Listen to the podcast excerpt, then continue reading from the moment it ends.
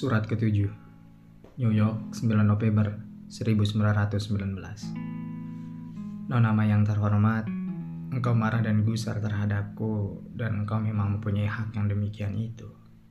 Sedangkan bagiku tak dapat berbuat apa-apa kecuali menyisi sesuai dengan kemauanmu. Apakah engkau tidak dapat melupakan segala sesuatu yang salah padaku? Aku yang telah begitu jauh pindah dari dunia yang mengenal bobot dan ukuran. Tak mungkinkah engkau menyimpan dalam kompor emas yang tak berharga untuk dibawa dalam kompor dunia wirohania? Seseorang yang tak hadir tidak akan dapat memiliki secara langsung pengetahuan tentang seseorang yang hadir. Dan sungguh, sungguh tidaklah jujur jika memandangnya sebagai kejahatan tidak ada kejahatan tanpa pengetahuan atau kesadaran. Aku tidak ingin secara tidak sengaja menuangkan leburan timah hitam atau air mendidih pada tangan mereka yang memiliki pengetahuan sempurna. Karena aku tahu bahwa kejahatan itu sendiri merupakan hukuman bagi penjahat. Dan bahwa penderitaan yang banyak disandang manusia sebenarnya terbawa oleh tugas yang dibebankan padanya. Aku telah menemukan hiburan yang dan pelipur dalam kekuatan alam yang benderang itu, yang dapat menyinarkan jarak, kerintangan, dan halangan. Dan hiburan serta pelipur itu tiada lain daripada unsur kekuatan alam itu sendiri. Adapun engkau, engkau yang sering berada dalam dunia makna tentu mengetahui bahwa unsur terang dalam diri kita terletak jauh dari langkah perbuatan kita.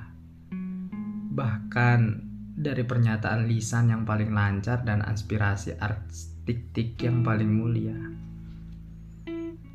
Bahkan seandainya akrab dengan kepenyairan kita, itu pun tidak dengan sendirinya menciptakan lirik, juga tidak memberi bentuk atau warna pada misterinya.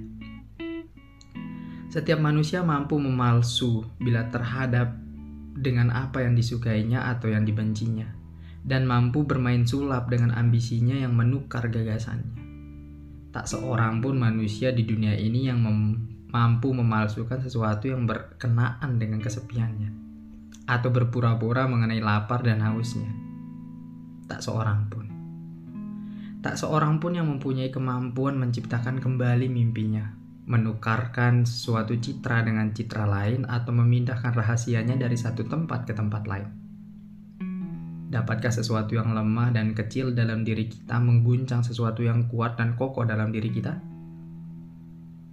Dapatkah diri pribadi yang indah ini dengan kodrat keterikatannya dengan bumi ini membuat perbuatan dan pergantian dalam diri pribadi yang sudah terbawa sejak lahir? Dan yang tercipta dari langit. Nyala biru itu bersinar abadi, mengubah tapi tidak berubah. Menyuruh tapi tidak tersuruh. Apakah engkau benar-benar berpendapat engkau manusia yang teramat cendikia? Bahwa sarkasme yang lunak dapat tumbuh di ladang yang ditaburi bibit oleh penderitaan ditanam oleh kesunyian, dan dipanen oleh lapar dan dahaga. Apakah engkau berpendapat lelucon filsafat dapat menyertai cinta dan kebenaran dan hasrat hendak mandiri dan mutlak? Tidak. Tidak, sahabatku. Pastilah engkau dapat mengatasi perasaan ragu dan curiga seperti itu. Ragu merupakan jenis ketakutan dan negatif sedangkan curiga mengantai orang-orang yang tidak memiliki kepercayaan diri. Tetapi engkau kuat dan positif dan memiliki kepercayaan diri yang teguh. Karena itu, mengapa engkau tidak percaya dalam hal itu? Dan takdir pun sudah terlukis pada telapak tanganmu. Dan mengapa engkau mengarahkan pandanganmu kepada keindahan batin yang merupakan kebenaran dan memalingkan diri dari keindahan luar yang tampak pada penampilan.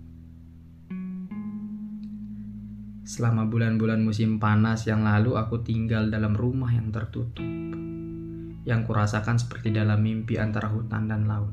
Bila mana aku kehilangan diriku masa lalu, aku memandang laut guna menemukannya kembali. Dan bila mana aku kehilangan diriku di dalam gelombang, aku kembali menyendiri di bawah bayangan pepohonan. Hutan negeri lain daripada setiap hutan di dunia. Hutan di sini hijau, lebat, menjulur ke masa lalu yang tak dapat diingat lagi. Ke masa awal. Pada mulanya adalah kata, dan kata itu beserta Tuhan, dan kata itu adalah Tuhan. Lalu laut kita adalah lautmu juga. Kata-kata bersayap yang kau dengar sepanjang pantai Mesir juga kami dengar di sepanjang pantai ini. Dan gemanya yang terngiang-ngiang begitu mengagumkan atau mengerikan di hatimu juga terngiang-ngiang begitu mengagumkan dan mengerikan di hati kami. Aku telah mendengarkan musik lautan di timur dan di barat, dan pada keduanya selalu terdengar lagu abadi yang semesta melantunkan jiwa sehingga membungkung tinggi dan meluncur turun ke bumi. Seringkali diiringi dengan kebahagiaan dan sering kali pula dengan kesedihan. Aku mendengarkan musik itu di pesisir Iskandaria. Sungguh. Sungguh di pesisir Iskandaria. Waktu itu musim panas, tahun 1903 Ku dengar bahasa berbagai zaman yang diucapkan oleh lautan, peradaban purba, seperti juga yang ku dengar pula kemarin dari lautan peradaban modern. Bahasa itu ku dengar pertama kali pada usia 8 tahun. Aku bingung. Hidupku kabur dan aku pun mengganggu kesabaran ibuku. Semoga Tuhan memberi ketentraman pada jiwanya. Dengan pertanyaan bertubi-tubi aku melontarkan pada ibu. Hari ini dengar pula bahasa itu dan aku mengajukan pertanyaan yang sama. Tapi sekarang ibu alam semesta yang harus menjawabnya. Ibuku telah mati. Dan selain dengan kata-kata, ia pun hendaknya menolongku untuk memahami banyak hal yang justru membuat mulutku terdiam bila aku mencoba mengatakannya kepada orang lain. Aku duduk di tepi laut, melayangkan pandangan ke ujung cakrawala dan menyerukan seribu satu pertanyaan-pertanyaan serupa yang kusampaikan. Pertanyaan seorang anak berumur 8 tahun. Adakah barangkali seorang di ruang lingkupmu yang dapat menjawabnya? Tak dapatkah gapura waktu terbuka mesti hanya satu menit saja, sehingga kita dapat memahami rahasia dan kegaiban yang ada di baliknya? Tak dapatkah engkau mengucapkan kata sepatah pun mengenai tata laku rahasia yang kokoh daripada hidup itu sebelum ajal melup, melurupkan cadar putihnya pada wajah kita? Engkau boleh bertanya, apakah aku menghargai manfaat hati yang bersuka cita? Aku memang menghargainya. Dan penghargaanku pun tinggi. Hanya saja jika aku menerjemahkan semua ini ke dalam bahasa bahasaku sendiri sangat kaku. Perjuangan yang gigih merupakan tangga menuju puncak.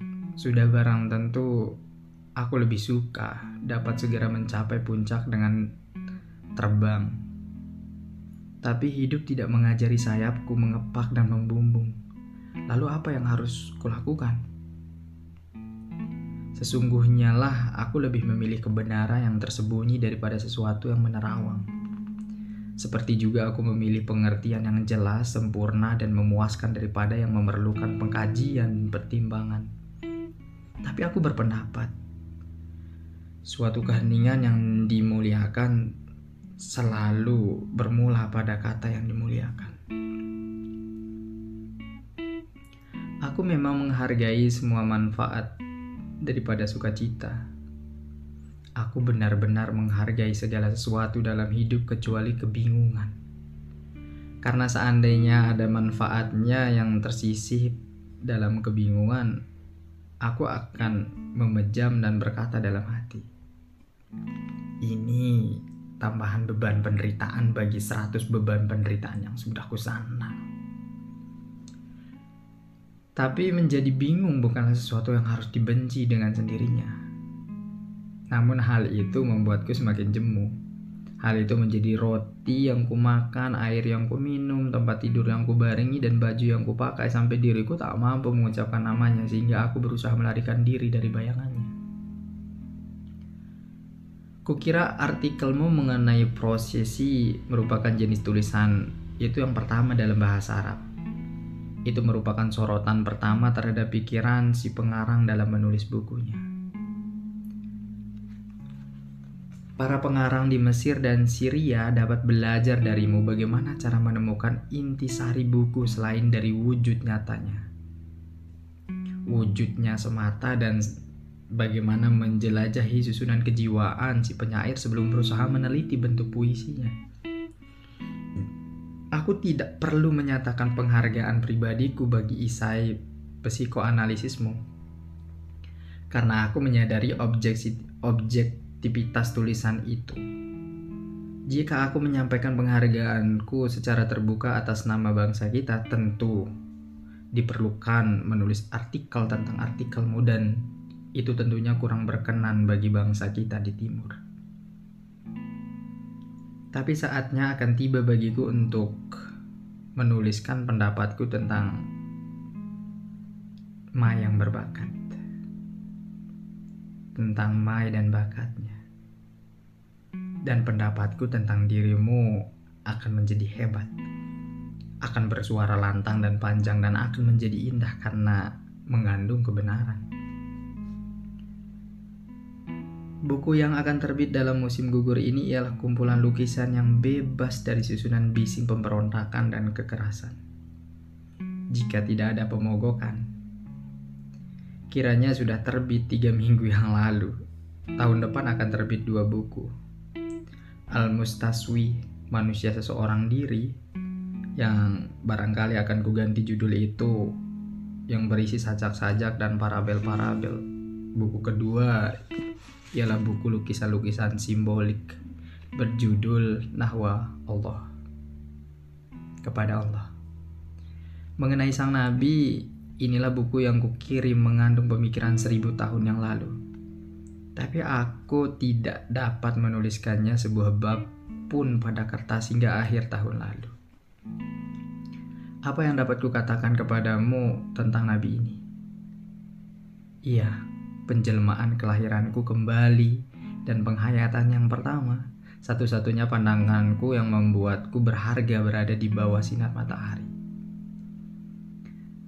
Nabi ini sudah tertulis sebelum aku berusaha menulisnya, yang telah menciptakan aku sebelum aku menciptakannya dan dengan diam-diam mengajakku pergi mengikutinya sejauh 21 ribu mil sebelum ia muncul di depanku dan menyatakan keinginannya dan niatnya.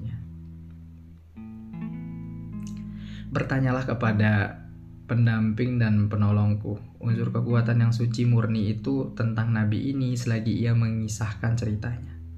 Bertanyalah pada unsur kekuatan yang suci murni itu. Bertanyalah dalam keheningan malam selagi jiwa terbebas dari belenggunya dan menang, menangkalkan bajunya. Maka kepadamu aku diungkapkan misteri nabi ini dan misteri semua nabi pendahulunya. Aku yakin sahabatku bahwa terdapat cukup penguraian dalam unsur kekuatan yang suci murni ini bagi sebuah atom untuk memindahkan gunung.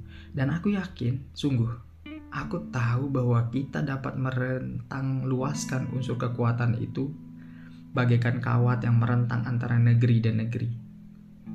Sebagai wahana yang membuat kita tahu apa yang ingin kita ketahui dan menemukan segala hal yang kita dambakan. Banyak kiranya yang perlu kukatakan tentang unsur kekuatan yang suci, murni, dan unsur-unsur kekuatan lainnya juga. Tapi aku harus tetap membisu mengenai yang lain-lain itu.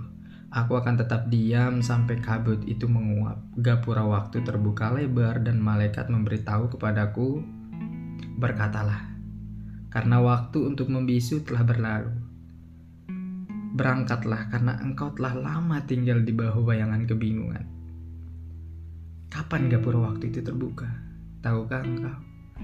Tahukah kapan gapura waktu akan terbuka dan kabut menguap? Tuhan menjagamu, Mai, dan melindungimu selalu. Salam hangat.